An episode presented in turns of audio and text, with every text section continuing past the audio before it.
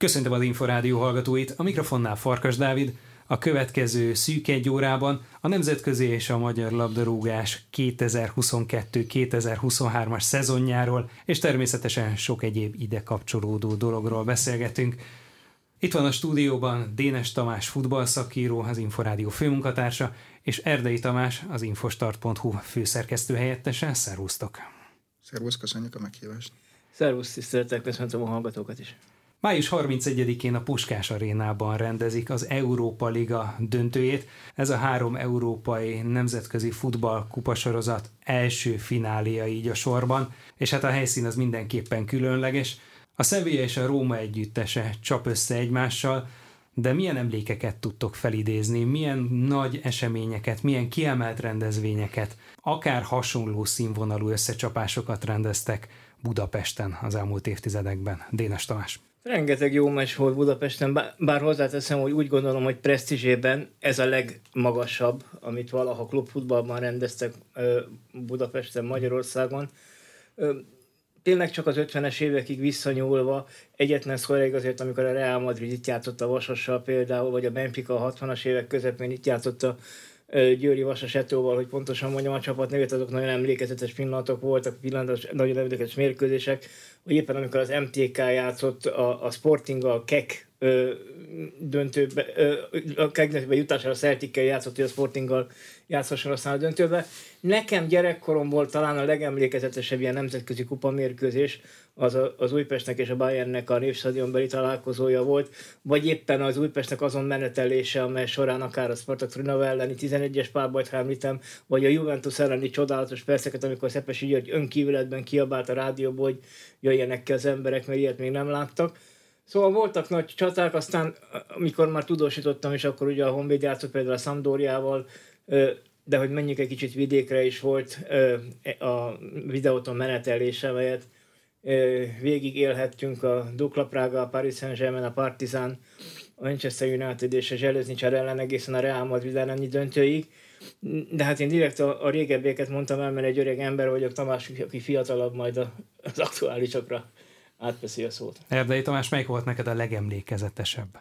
Nekünk az a baj, fiatalabbaknak egy kicsit kevesebb jutott, mert ahogy a magyar klubcsapatok szorultak ki az európai kupáknak az igazán fontos szakaszaiból, úgy hát egyre kevesebb élmény jutott, de azért mondjuk én fel tudom idézni az Újpestnek a, a kek menetelését, amikor aztán a, az Aberdeen ejtettek ide, közben azért járt itt Budapesten, akkor például a, akkor magasan jegyzett Köln csapata.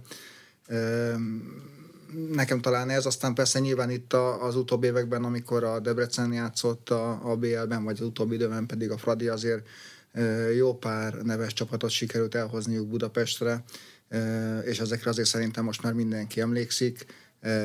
Közelmúltban is volt, már szép stadionokban fogadhattuk a, ezeket a csapatokat, többek között ugye már a Puskás arénában is, amelyik most a, a Európa Liga döntőnek is a helyszíne lesz, tehát szerintem azért ehhez elég hozzászoktunk, és ha még ugye visszaemlékszünk itt a Covid időszakra, akkor az arénában játszottak már viszonylag rangos csapatok, nem, nem magyar részvétellel mérkőzéseket, igaz, hogy nézők nem lettek a stadionban, tehát ettől még itt volt ebben a arénában. Én azt mondtam ugye az előbb, hogy ez a legnagyobb presztízsű kupa találkozó. Ha eddigieket kérdez, hogy mi volt talán a legnagyobb presztízs, akkor azt gondolom az Európai vagy UEFA szuper, Superkupa döntő, uh, amit a Bayern nagy nehezen megnyert, emlékeim szerint Martineznek a hosszabbításban szerzett góljával. Uh, Hát ez nyilván egy más nagyságrend, szóval a két nagy európai kupa döntős, hosszú ugye két nagy kupa volt, most már három a konferencia ligával. A kettő közül az egyiknek a döntőjét Budapesten rendezik, és azt gondolom, hogy ez, a, ez, ez az UEFA-nak elismerése részben a, azért, mert a Magyar Szövetség akár a Covid alatti időszakban mindig partnere volt az UEFA-nak, segítséget nyújtott a rendezésben, ugye most már a Covid-nak hála Istennek vége, de van háború, és ugye a fehér orosz válogatott a hírek szerint itt fog játszani majd Magyarországon mérkőzés, szóval az MLS ilyen szempontból nagyon jó partner, ezt az UEFA nyilván adott esetben revanzsálja, meg az, hogy van egy olyan stadionunk, ami minden igényt kielégít. Tulajdonképpen persze az igazi, a korona, az majd valószínűleg az lesz, hogyha bajnokok ligája döntőt rendeznek itt.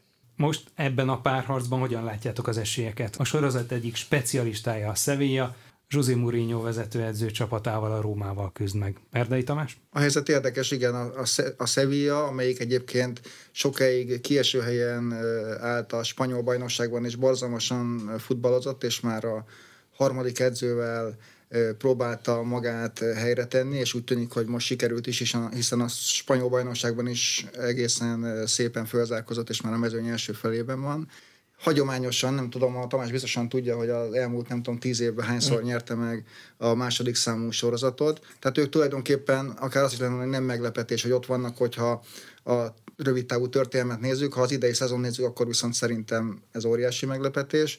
A másik ágról a Róma, az pedig ugye azért érdekes, mert ők, mint hogyha évről évre lépdelnének fejebb a, a kupa osztályokban, hiszen az előző szezonban a konferencia ligát nyerték meg, akkor már José Mourinho irányításával, most pedig itt vannak az Európa Liga döntőjében, ugye maga a portugál edző is azt mondta, hogy hát ezt még senkinek nem sikerült edzők közül megcsinálni ezt a Mester 3 hogy mind a három kupát megnyeri, hát majd Budapesten kiderül, hogy ezt valóban sikerül-e magájának valania. Ez lesz egyébként a végállomás? A José mourinho a Románál? Hát, hogy kérdezed, hogy vezethet ennél feljebb az út, akkor nem tudom, de... Akkor, de a bajnokok ligájában Akkor nem hiszem, tehát bajnokok ligáját nem fog nyerni nagy valószínűséggel az AS Romával, bár Mourinho esetében bármire kijelenteni, hogy lehetetlen, az nyilván bátorság. Minden esetre ugye legalább ott szerepelhet a csapat, ha megnyeri, mert ugye az elmúlt hetek alapján a szériából már nagyon nehéz lenne. Hát ezt én is így gondolom. Ugyanakkor nyilván felveti azt a kicsit oldalvágásnak tűnő kérdést, hogy hogy, az egy, hogy ezek a kupák egymáshoz hogy aránylanak, illetőleg, hogy presztízsben mi a több például a bajnokok ligában bejutni a nyolcba, vagy a konferencia ligában döntőt játszani. Az Európa Ligában is én azt gondolom, hogy, hogy jó, hogy a Sevilla és az AS Roma döntőt játszik, nyilván jó meccs is lesz, nem gondolnám, hogy az AS Roma hihetetlen látványos támadójáték rukkol majd ki, azt hiszem, hogy azért inkább az óvatosság lesz a jellemző, de egy kupa döntő mindig izgalmas, Mourinho tudja, hogy hogy kell kupát nyerni, nemzetközi kupát is nyert bőven, több csapattal is, de, de hát én szerintem azért, amikor már kialakult, ugye figyeltek a Ferencváros miatt az Európa Ligának a mezőnyét, ki kapott a Ferencváros, melyik az a nyolc csapat, amelyik biztosan benn van már a, a 16-ban, melyik az a 16-ban, melyikből a 8 ellenfelt kap. Szóval én úgy gondolom, hogy, hogy még a, a januári állásnál sem ezt a két csapatot tippeltük volna a, a, az Európa Liga döntőjének mezőnyébe. Tudom azt, hogy voltak többen is, akik fogadtak arra, amikor a Pradit kiverte a, a Bayer Leverkusen, hogy a, hogy a Leverkusen majd visszatér Budapestre.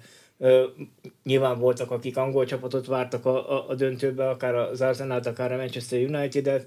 Uh, a Juventusnak annyira hektikus a szezonja, és tényleg nem lehet megmondani egyik hétről a másikra, hogy éppen milyen formában játszik, de, de nem gondolnám, hogy a, a jó játék, tehát a jó formában lévő Juventus az gyengébb csapat lenne, mint a, a, a Sevilla. Talán az is megér egy mondatot, hogy, hogy igazából szerintem racionálisan nem indokolható, de mégiscsak tény, hogy az olasz futballnak olyan nemzetközi kupaszezonja van, ami erre hát nagyjából a 90-es évek közepe, vagy a 90-es évek elege óta nem volt példa, mondjuk azt persze emlegethetjük, hogy ugye a 2002-2003-as bajnokok ligája idejében négy ö, ö, három olasz csapat volt a legjobb négyben, de, de ez, hogy mind a három kupában döntősük van, ez, egy, ez szerintem egy egészen báratlan a, fordulat.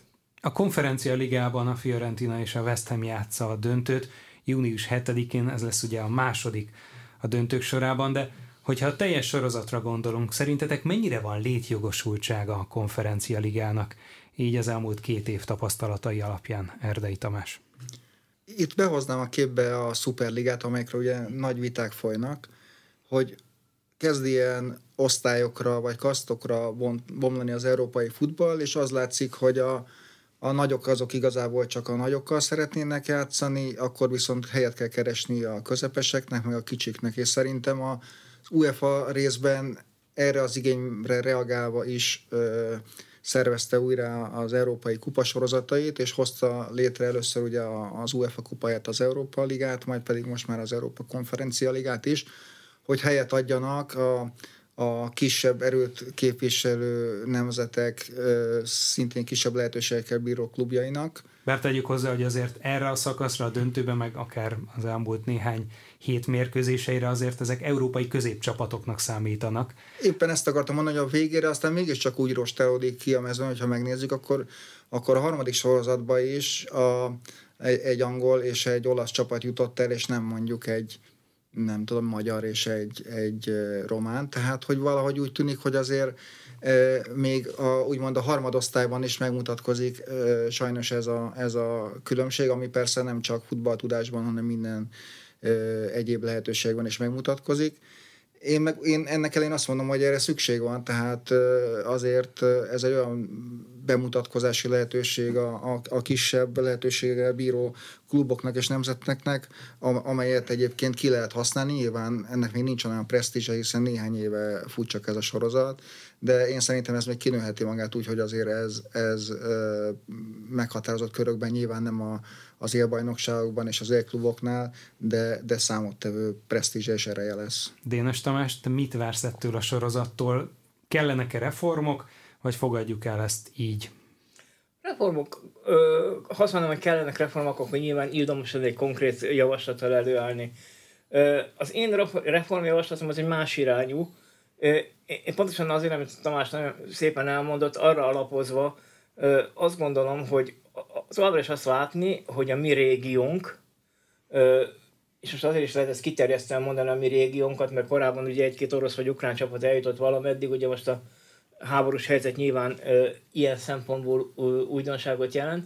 De szóval a mi régiónk azért alapvetően a végjátékokban nem érdekelt, és a, a, a végjátékok alatt már gyakorlatilag mondjuk a legjobb nyolcat is mondhatjuk nagyon-nagyon ritkán az elmúlt években egy-egy az Európa Ligába besurrant, de, de nem jellemző.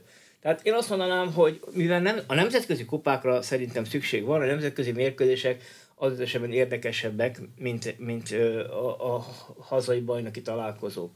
Ha ezt elfogadom, akkor én azt mondom, hogy lehet, hogy érdemes lenne gondolkodni akár egy regionális kupán a mi régiónkban, akár a közép-európai kupát feltámasztani, nyilván most mindenki felkorkalhat, hogy na is akkor az olaszokkal mi van, mert az olaszok integráns részei voltak a közép-európai kupának, de az olaszok nélkül egy olyan közép-európai kupára gondolnék, ahol mindig januárban lehet nevezni, tehát amikor már eldől az, hogy, hogy esetleg a tavaszi folytatásban bejut, maradjunk a Ferencváros példájánál a magyar bajnok vagy sem.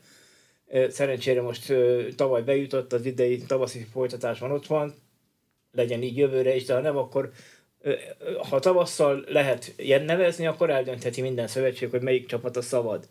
Én, én látnék egy ilyen regionális bajnokságnak létjogosultságot. Azt sajnos látom, hogy a, közép, hogy a konferencia ligának a mezőnye azért sokkal gyengébb, mint a, a bajnokok ligájai, és még az Európai ligájai is. Azt még csak figyelmébe ajánlom mindenkinek, és a Manchester City-t ünneplem a két mondattal, hogy, hogy ha nézzük a, az idei hat döntőst, nemzetközi kupa döntőst, gyakorlatilag a City az egyedüli csapat, amelyik a bajnoki címet megnyerte. Azt is mondanám, hogy amelyiknek reális esélye volt a bajnoki címnyerése, mert a Internek nem volt reális esélye erre, a többi négy meg gyakorlatilag középcsapat a Rómát egy picit azért följebb emelve, de, de nem BL induló lesz jövőre. Tehát olyan csapatok jutottak a nemzetközi kupaporondon az Európa Liga és a, a, a konferencia liga döntőjében, amelyik nem tudtak saját országukban az első négybe bejutni. Szerintem azért ez önmagában kijelöli a konferencia ligának a helyét.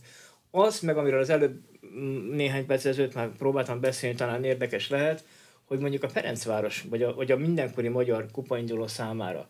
Ugye én azt mondom, hogy az a realitás egy magyar bajnok szá- a magyar bajnok számára, hogy elindul, egyet botlik a nyáron, eljut az Európa Ligába. Hogy ha szerencséje van, akkor tud olyan helyen végezni, tehát vagy tovább megy ott, vagy esetleg a harmadik helyet elérje, ahol a konferencia ligába végez. De vajon mi a jobb, hogyha ha a konferencia ligába átkerül, és az esetleg nagyon messzire megy, van-e olyan presztízs értéke mondjuk a konferencia ligában a nyolcba kerülni, mint mondjuk az Európa ligában elérni a tavaszi folytatást? E-, e ezekről lehet persze gondolkodni, nyilván nem szándék kérdése, de szuma szumárom, én látom azt a rétegződését az európai klubfutballnak, amit ez a három klub jelent. Tehát ameddig a, a mi ifjúkorunkban azért valóban a nevezések alapján lehetett azt mondani, hogy a BEK az első számú kupa, a KEK talán a második, a kupa győztesek Európa kupa, az kupa pedig a harmadik, de nem volt talán ekkor erről különbség, mint most a, a, a BL, az Európa Liga és a, konferencia liga között, amit egyébként az UEFA szabályával deklarál is, hogy ezek egymásra épülő sorozatok.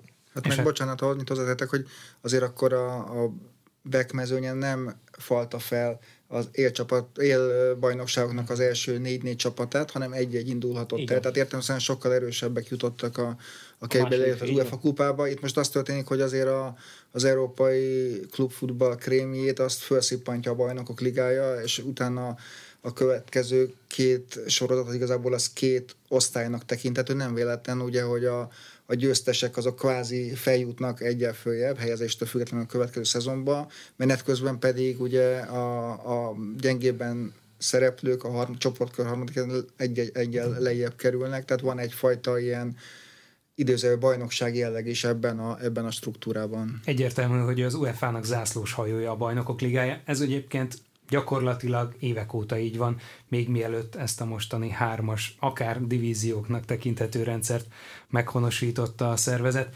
A bajnokok ligájában most Inter-City finálé lesz, ezt a sport iránt kevésbé rajongó is viszonylag könnyen meg tudja jegyezni. A Manchester City, ahogy te is mondtad, Tamás parádézott, különösen egyébként az elmúlt hetekben, tehát ilyen tavaszt gyakorlatilag csak ez a csapat produkált az európai futball krémjében miközben az Inter jobb és rosszabb periódusok után jutott el a fináléba. Mekkora esélyt adtok annak, hogy az Inter megtréfálja a szenzációs szezon tervezni záró Manchester City-t? Dénes Tamás? Hogy röviden válaszoljak, kevés, kevés esélyt adok erre. 20 százalék? Annál többet semmiképpen. Ha azt kérdezed, hogy mi szól az Inter mellett, akkor, akkor talán három dolgot mondanék, ami azért nem kevés. Az egyik az, hogy az Inter szem előtt lehet egy olyan példa, hogy amikor legutóbb megnyerte a bajnokok ligáját 2010-ben José Mourinho-val, hát akkor sem volt esélyesebb az ellenfelénél, de még talán ö, megengedem az elődöntőben sem volt esélyesebb az ellenfelénél. Mourinho tudott egy olyan játékot kitalálni, ö, amivel ha nagyon nem szeretnék neki kedvezni, akkor azt mondom, hogy megölte a futballt, viszont megnyerte a kupát. Nem gondolnám, hogy az Inter egy nyílcsisakos támadójátékkal fog kiállni a City ellen a, a, a, isztambuli döntőben. Az öngyilkosság lenne valószínűleg. Én is így gondolom. A másik tulajdonképpen az, ami, ami a kicsit matematikai érv az Inter mellett, hogy hát azért a Citynek még kell játszani két kupadöntőt, hát ha az egyikben rosszabbul játszik, vagy megbotlik, de az igaz, csak hogy annyira erős a Citynek a kerete, hogy, hogy azért erre nem nagyon lehet ö, építeni. Úgyhogy, úgyhogy ö, Megérdemli egyébként a City, hogy győzzön? Ugye ez azért is összetett kérdés, mert még nem tudjuk a különféle vizsgálatokat nem fejeződtek be, amelyek az esetleges pénzügyi könyvelési szabálytalanságokról szólnak. Hát ez azt, hogy megérdemli, tehát nyilván az az alapkérdés, hogy, hogy, hogy jogosan indul el, vagy indult el Manchester City ebben a szezonban a, a, a bajnokok ligájában. Én egy jogtisztelés, jogkövető ember vagyok. Én azt mondom, hogy ha az UEFA engedte indulni, akkor biztos nem követette olyan szabálytalanságot, hogy ez így legyen. Zárójel, hogy biztos így van, csak nem hiszem. De, de, de azért az igazságosan hadd tegyem hozzá, hogy, hogy amit mi látunk a Financial Fair Play-ből, az semmi szinte. Tehát annak alapján, amit, amit lehet látni a kívülállónak, annak alapján azért több csapatot is meg lehetne regulázni. Furcsa módon soha nem a legnagyobbakkal teszik ezt. Ami a játéktudást illeti, én úgy gondolom, hogy a City tavaly is nagyon erős volt, és még jött hozzá Holland, ami, ami nyilván egy, egy elképesztő erősítést jelentett.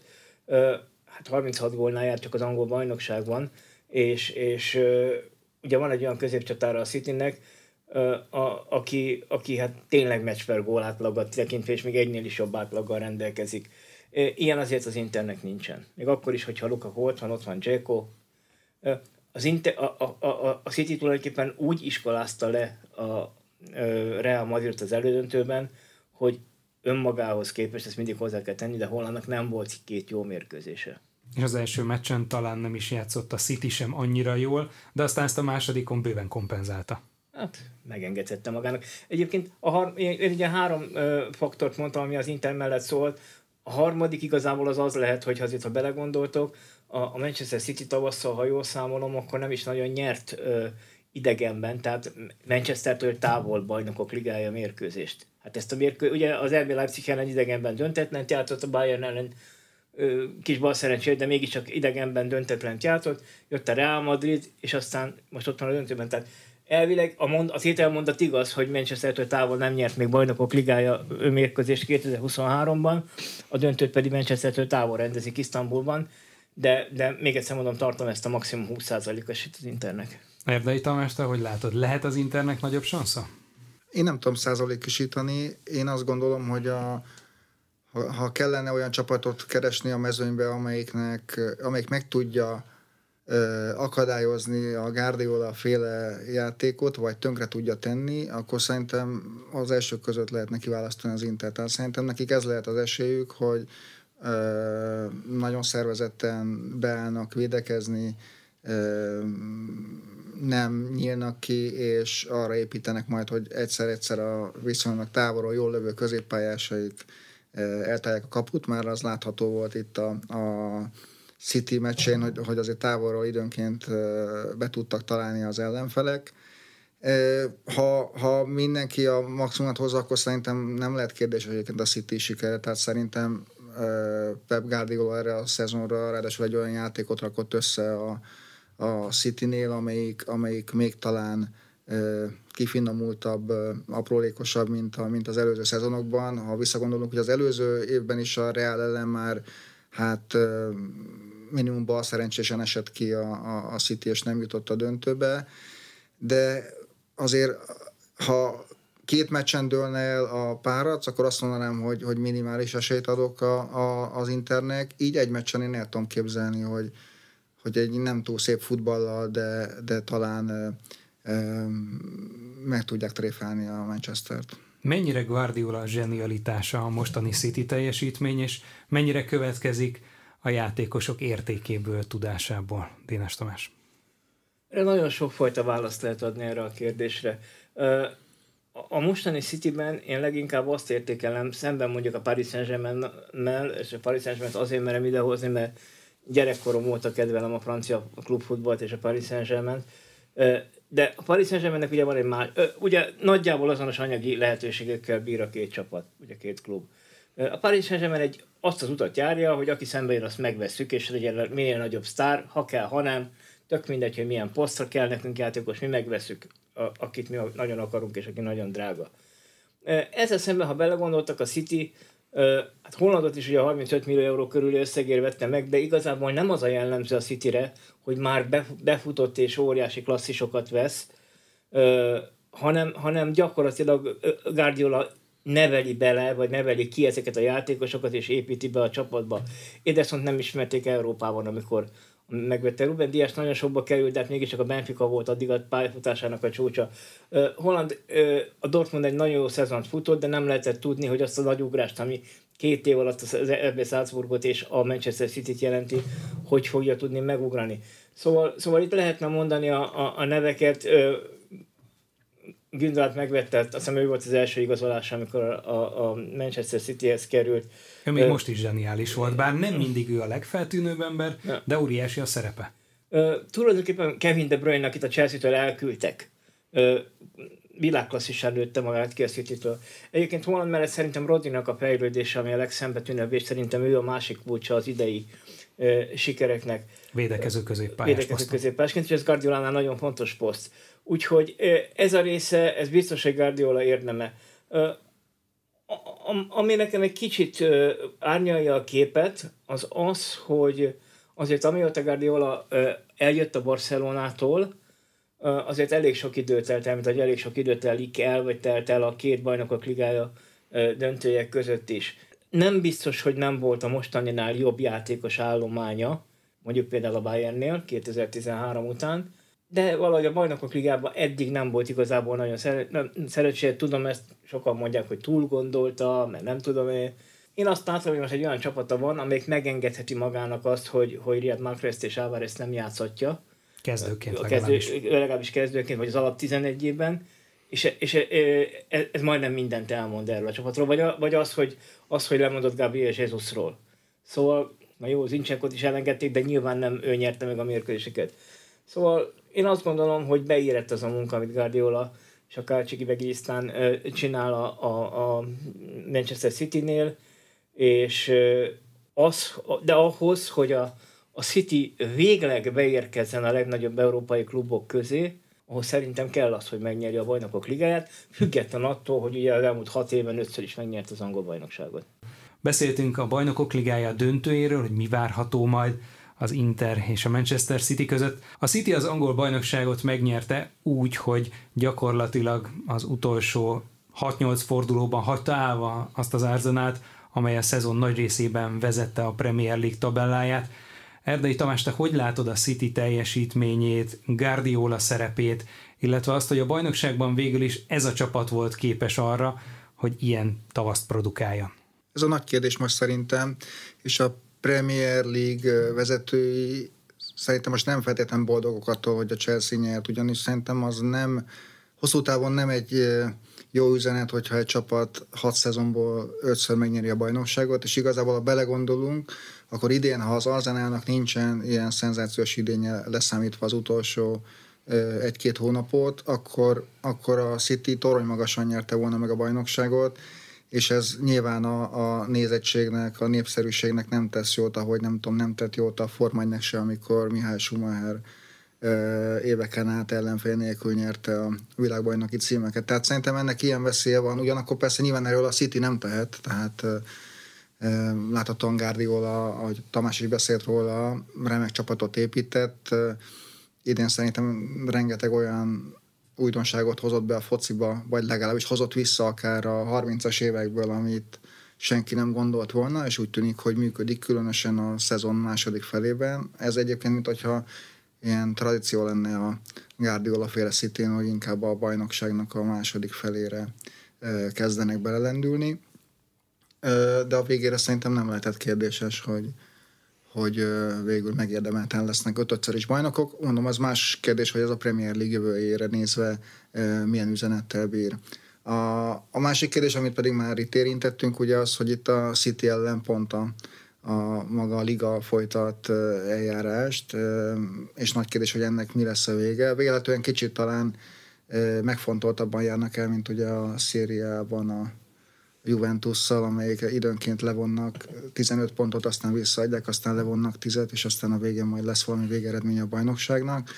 De az szerintem végül egy érdekes kérdés lesz, hogy az a nem tudom én 150 vádpont, amit megfogalmaztak a, a City ügyletei miatt. Könyvelése.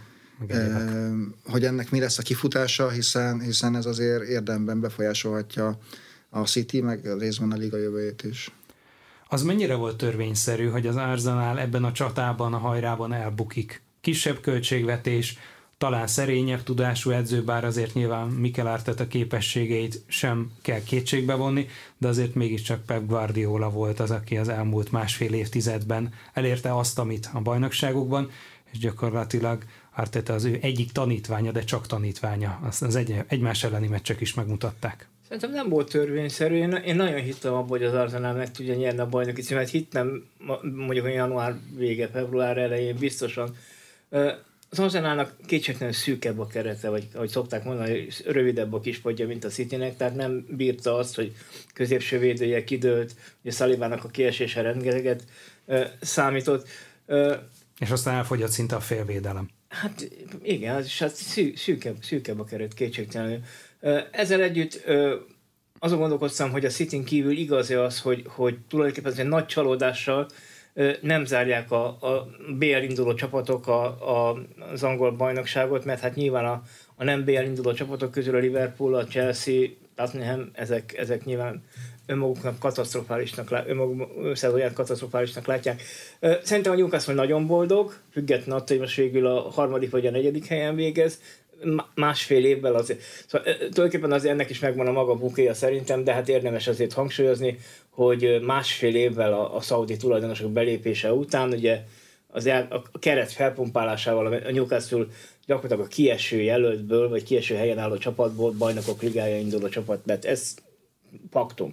És azért azt is tegyük hozzá, hogy a játékos kereteket, hogyha megnézitek, nem biztos, hogy a Newcastle a harmadik vagy a negyedik legerősebb a Premier League-ben, tehát persze vettek játékosokat, de nem olyan szinten, hogy törvényszerű lett volna, hogy jó edzői munka és jó csapatmunka nélkül ennyire simán maguk mögé utasítják, akár például a Liverpool-t, a Chelsea-t és a tottenham Igen, Szerintem most jöhet benne igazából a nagy ugrás, tehát ez a, ez a negyedik, harmadik, negyedik hely, és a BR indulás egy olyan mágnest jelenthet innentől szerintem nagyobb neveknek is, akik ezek után szívesen választják a nyugat. Egyrészt látják azt, hogy működik a projekt, másrészt látják azt, hogy BL-ben tudnak játszani, a Premier League-ben éremért tudnak játszani, innentől kezdve szerintem miután a pénzügyi háttér az megvan a klubnál, hát elképzelhető, hogy itt egy-két nagy név is csatlakozni fog, és akkor aztán tényleg éles verseny lehet, hiszen akkor itt a, a nagy hatos most már nagy hetes lesz, az biztos, és ráadásul az új szereplő az nem is a hetedik helyre fog beállni a sorba, hanem sokkal előrébb. Ugye hát a Chelsea az tényleg csőd, tehát az gyakorlatilag magyarázhatatlan csőd, hogy ugye egy klub 600 valahány millió eurót elkölt, és, és hát gyakorlatilag a modern idők legrosszabb bajnoki helyezésével vergődi végig a, a, a szezont. Ott nyilván egyrészt szerintem érdemes egy-két játékosan gyorsan túladni, akin kiderült, hogy mégsem akiről kiderült, hogy mégsem annyira jó. Hát elég nagy a keret, úgyhogy kell is. Meg, meg hát muszáj is. Ugye, ahogy néztem az évkörül az átigazolásokat, volt azért az átigazolásoknak egy olyan filozófiája, hogy ilyen 20-21 év körül, vagy talán még fiatalabb játékosokat vegyenek, akik majd évekre megoldhatják a Chelsea gondjait. Hát mondjuk a, a, a évekre lehet, de erre az évre nem oldottak meg semmit a Chelsea-nél, és jó, azt, mondott, azt mondhatja bárki, hogy ez a szezon elment, azért ha a következő szezonban is középcsapat lesz a Chelsea, abból szerintem óriási botrány lesz.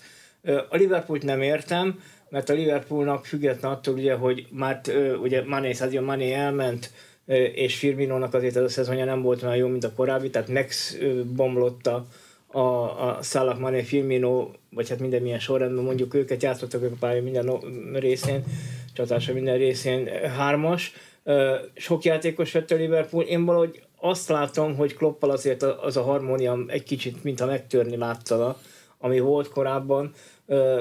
Amikor a Liverpool megnyerte a bajnokok ligáját, illetőleg az angol bajnokságban és a csúcson volt, mindenki azt mondta, hogy a, a, a, a Alison Becker, illetve Alexander Arnold, Van Dijk még a sérülés előtt, és Robertson is majdnem mindegy volt, hogy kit írunk a negyedik közép, a középső posztra a negyedik védőnek. Szóval ez a világ legjobb védelme. Hát ez az elmúlt két és fél évben biztos, hogy nem igaz. Ö, ott, ott szerintem generális átalakításokra van szükség. A Spursnek kell egy új menedzser nyilván, de főleg ha Harry Kane eljut, eljön, akkor a Spurs szerintem az egyik kieső lesz a, a legjobb négyért folyó csatából a nagy klubok közül. A Brighton nem tudom, hogy még egyszer tud egy ilyen idényt futni. A Manchester United azért Casemiroval nyert, ez, ezt meggyőződéssel mondom. De így is felemás a szezonja. De így is felemás a szezonja, hogy te mondod. Ezen javíthat -e valamit az FA Cup-nak esetlegesen a, a megnyerése, de nem lesz könnyű a City ellen. Úgyhogy, úgyhogy szerintem nagyjából így néz ki a képlet Angliában. Vasárnap estére véget ér az angol bajnokság, és szombaton késő délutánra a német, Beszéljünk a Bundesligáról is, hiszen itt még az aranyérem sorsa sem dőlt el, bár a Dortmund kedvező helyzetben van, hiszen két pont az előnye a Bayern Münchennel szemben, és a Mainz együttesét fogadja, miközben a Bayern a Köln ellen próbál meggyőzni és reménykedni, hogy Dortmundban nem a Borussia tervei alapján alakulnak a dolgok, de minden esetre egy hosszú sorozat, egy tíz éves sorozat szakadhat meg, hogyha a Bayern nem lesz bajnok. Erdei Tamás, hogy láttad, mi romolhatott el Münchenben? Hát azt mondom, miért romlott, az minden romlott, tehát azt hiszem kezdődött azzal, amikor a, a Nayer körül kirobbant ez a botrány, elküldték a kapusedzőt, ott kialakult valami konfliktus, utána elment síelni, megsérült, és utána amennyit én erről így olvastam, ott a játékosok és a fiatal edző Nagelsmann között megromlott a viszony, ennek ellenére a csapat állt a BL-ben, a német kupában, és vezette a német bajnokságot is, bár voltak meglepő döntetlenjei, vereségei talán kevéssé. Amikor ugye az edzőváltás mellett döntöttek, és érkezett Thomas Tuchel és a stábja, benne Löv Zsoltal is, és utána viszonylag rövid időn belül kiestek a német kupából, elbuktak a, a City ellen a, a BL-ben, és úgy tűnik, hogy végül a, a harmadik fronton is veszítenek Ebből a szempontból a, a Bayern biztos, tragikus az a szezonja, és, és amennyire én látom itt a német sajtóban, ennek, ennek akár személyi következménye is lehetnek, már nem annyira a kispadon, mint inkább a, a klubvezetésben. Én szerintem ugyanakkor, amiről az előbb beszélt, de majd mondtam a Premier League kapcsán, Bundesliga vezetők biztos, hogy örülnek neki, hogyha egy kis változatosság történik. Utóbbi évben nem volt túl kielezett a, a harca az aranyéremél, ezúttal azért egy komoly versenyfutás zajlik most már jó ideje, hiszen a, a Dortmund különösen a, a VB szünet óta e, szenzációs sorozatot fut. Előtte nem nagyon láttuk, hogy képes lehet akár az aranyéremért csatázni. Igen, de valamiért januárban nagyon elkapták a fonalat, és nem tudom, egymás után nyerték a, a bajnokikat, és, de még akkor sem tűnt úgy, hogy itt, itt akár fordulat állhat be. Ugye itt azért igazából a, a Lipcse segítette hozzá az utolsó pillanatban a, a, a Dortmundot ehhez a nagy lehetőséghez. Most már csak az a kérdés, hogy az ember tud elépni. Nyilván azért ez nem egyszerű, tehát a, a Dortmund nem egy igazán kiforró csapat sok fiatallal, e, de, de most már e, nagyon nagy valószínűséggel sikerül megnyerniük a bajnokságon. Dénes Tamás, hogy láttad a Bundesliga idei kulcs pillanatait? Mi volt a képlet a nyáron? Az volt a képlet nyáron, hogy a Bundesliga két legjobb csapata, a Bayern München és a Borussia Dortmund közös abban, hogy elveszti a középcsatárát, az első számú góllövőjét úgy tűnik, hogy a Dortmund ezt elég jól tudta kompenzálni, annak ellenére, hogy szívem szakadt meg az ősszel, amikor Sebastian Alléről kiderült, hogy rákos, és, és hát gyakorlatilag, bocsánat, hogy ilyet mondok, de az életéről ért kellett aggódni, nem pedig azon szurkolni, hogy, hogy hány gót fog lőni a e, szezonban. E, és én azt hiszem, hogy a, a Dortmundnak a, a kicsit kaotikusabb ősze részben ezzel is magyarázható. Tehát valószínűleg a teljes támadójátékot újra kellett építeni. Volt nyilván az edzőnek egy képe arról, hogy, hogy Hollandot hogy pótolják, hogy fog a csatársor fölnézni, föl, fölállni, játszani, és jött ez. A Bayern esetében ugye megnéztem azt, hogy Serge Gnabry az egyébként rendkívül kevés gólt hozó Bundesligában, illetve a góllövő is, tehát kevés góllal lehet uralni most ebben a szezonban a Bundesligában, és Gnabry 14-jel a Bayern házi gól királya. Ugye egyfordulva hát a változás nem várható. Lewandowski az előző idényt 35 góllal, az azt megelőzött meg 41 góllal zárta. Bár ő klasszikus középcsatár, Gnabry pedig több ez, most, ez, e- ez, ez, abszolút nem Gnabry ellen van, amit én mondok, csak azt akarom mondani, hogy kiesett a Dortmund a Bayernből egy olyan játékos, aki szerzett 35 gólt, és nem volt olyan, aki mondjuk vegyük azt, hogy 15 nél, ez mínusz 20 gól.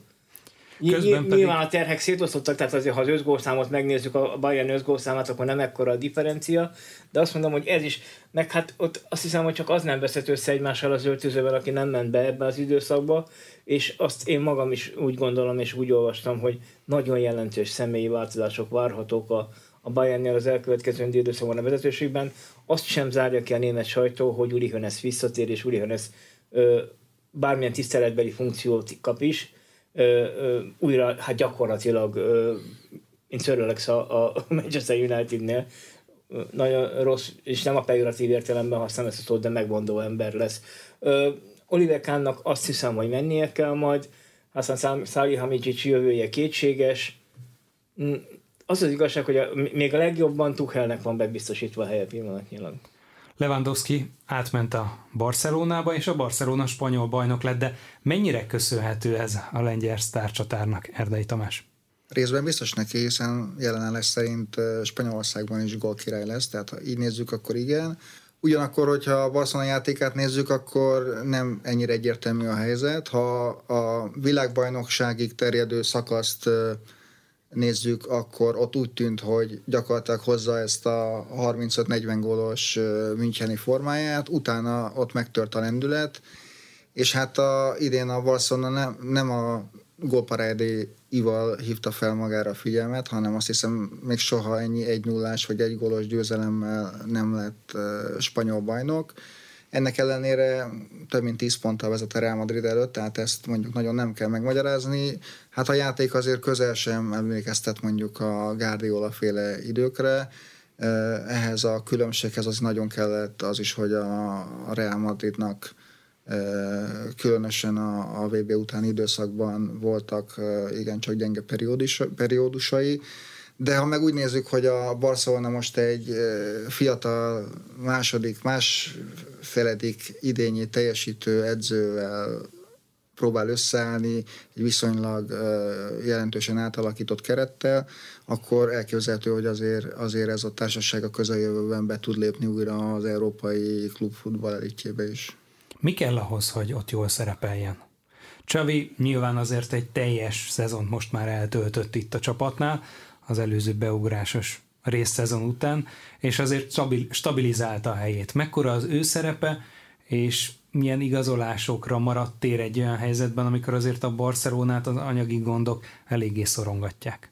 Hát nem nagyon lehet látni, hogy mire maradt tér. Ugye a spanyol liga saját fair play szabályai miatt a, a Barcelona pillanatnyilag még azokat a játékosokat se tudja beregisztrálni, akik egyébként játszanak a mérkőzésein, tehát Gavi vagy Araujo, aki most alapemberek a csapatban, pillanatnyilag a, a új szerződésükkel nincsenek beregisztrálva, azért mert a Barcelona bérkeretét 200 millió euróval kellene csökkenteni, ami hát egy érdekes vállalkozás, a közben miközben arról ábrándoznak, hogy Messi-t visszacsábítsák Párizsból, illetve mellette még a hírek szerint megállapodtak például a Cityvel BL döntőt játszó Gündoánnal, vagy, vagy hoznának még egy tapasztalt belsővédőt Inigo Martinez személyében, Úgyhogy egyelőre szerintem Barcelonában nagyon ö, kétséges emiatt a helyzet. Ráadásul ugye a csapat most elköltözik a stadionból, mert hogy ott egy nagy átépítés lesz.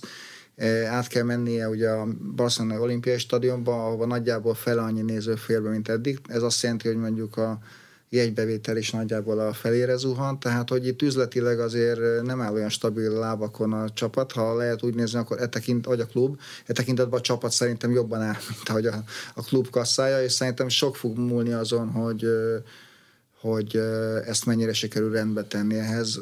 Még június 30-ig el kell adni jó néhány játékost a mostani alapemberek közül is, hogy egyáltalán lehetővé váljon az, hogy a, Barcelona érdemben tudja erősíteni a keretét. Az úgy tűnik, hogy ezzel a kerettel azért nem biztos, hogy mondjuk a, a City a, vagy a Bayern szintjén jövőre versenyképes lesz.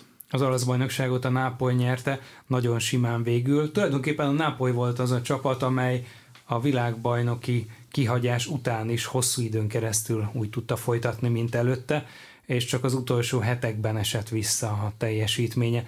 Dénes Tamás, hogy láttad, mi kellett ahhoz, hogy ez a Nápoly befusson? A szezon előtt azért nem feltétlenül számított favoritnak.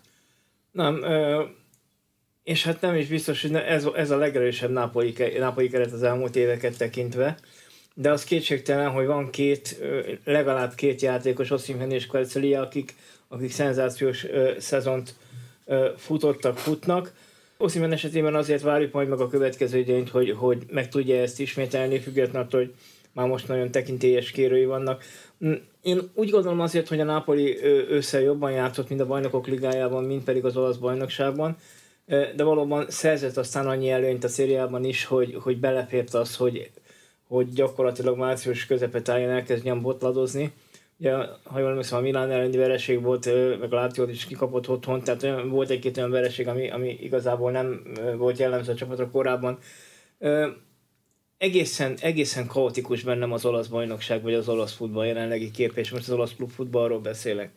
Mert miközben azt látjuk, ugye, hogy, hogy a bajnokok ligájában a legjobb négy között három olasz csapat van, vagy volt a konferencia ligában ugye döntőt játszik a Fiorentina, a, az Európa Ligában elődöntőt játszott két olasz klub. Tehát gondoljatok abba vele, hogy azt mondja, három, meg kettő, meg egy, ez, ez, ez hat klub. Hat olasz klub volt az európai kupáknak a, a, az elődöntőjében. Ez a bajnokságnak, hát majdnem, hogy az egyharmada, a bajnoki mezőinek majdnem az egyharmada.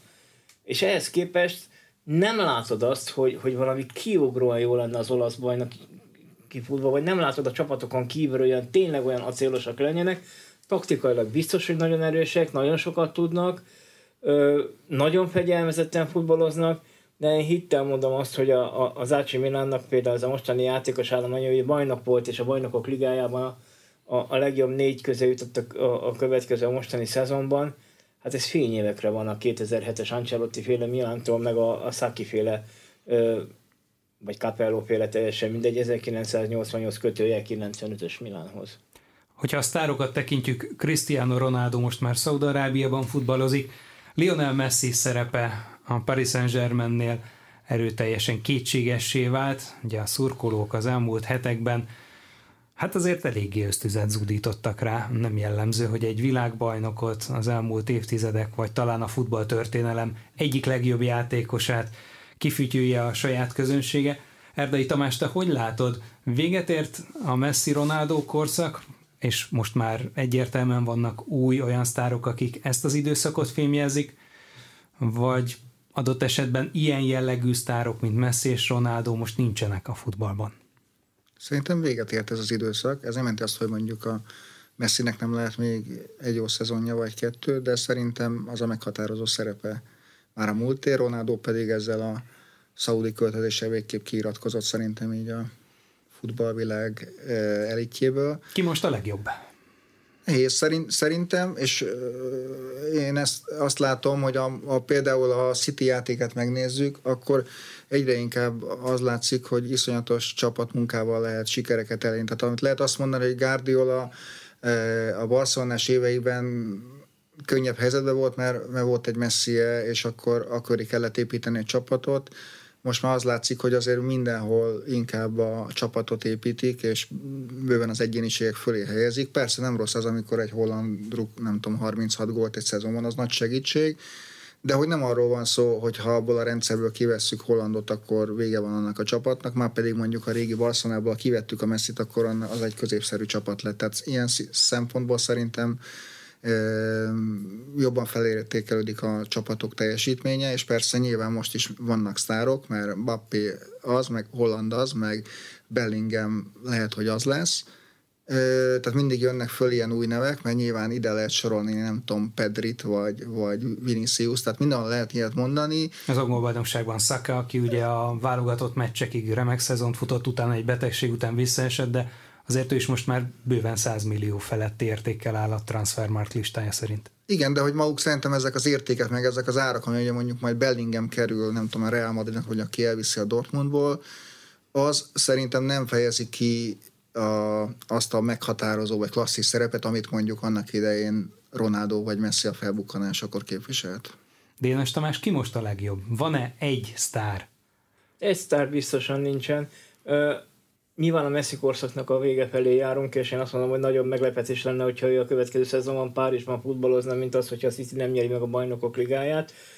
De, de annyiban még nem ért véget a korszak, hogy szerintem meg fogják aranylabdával még kínálni őt a következő szavazáson a világbajnoki teljesítményét honorálandó. Szerintem egy kihívója lehet ebben a tekintetben az Erling Holland, hogyha a City megnyer mindent, akkor, akkor lehet, hogy valaki őt fogja látni, de, de azért elég erős a messzi rajongók tábora ahhoz, hogy szerintem még egy aranylabdát kapjon.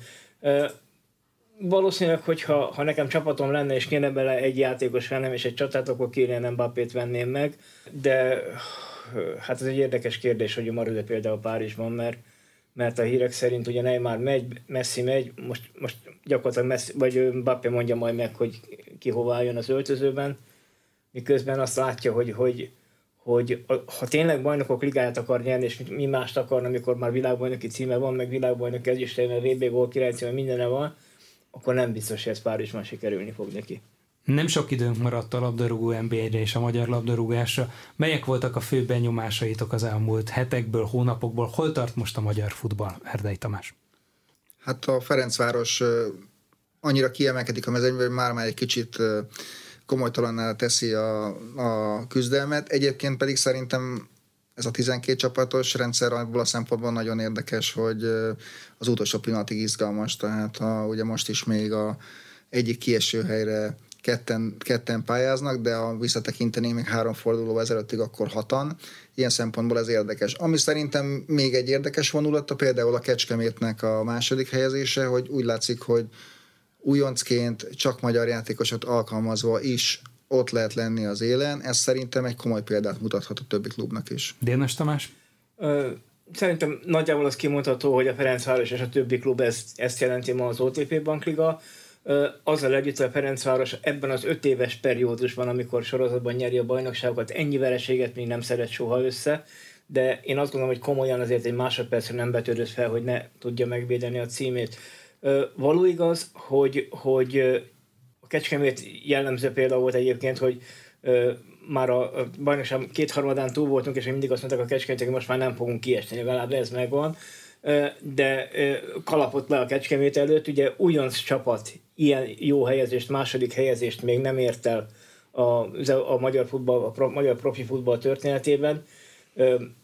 Én azt mondom, hogy az is figyelemre méltó, hogyha a Debrecen mondjuk be tud jönni harmadiknak, amire hát egy hazai győzelemmel elég jó esélye van, de biztos, hogy be fog jönni. Ugye a Debrecennek ez a második szezonja a visszajutása óta, tehát nagyon picik a különbségek a csapatok között, egy-két-három mérkőzésen múlhat minden, és ezt Tamás nagyon szépen és helyesen emelte ki, hogy az élcsapatokká előlépett kluboknál, a Kecskemétnél, a Paksnál és a részben a Debrecennél is a magyar játékosok dominálnak. Köszönöm szépen a beszélgetést önnek az elmúlt szűk egy órában Erdei Tamást, az Infostart főszerkesztő helyettesét, és Dénes Tamást, az Inforádió főmunkatársát, futballszakírót, sportújságíró kollégákat hallották. A műsor elkészítésében Módos Márton főszerkesztő vett részt, most megköszöni figyelmüket a műsorvezető Farkas Dávid.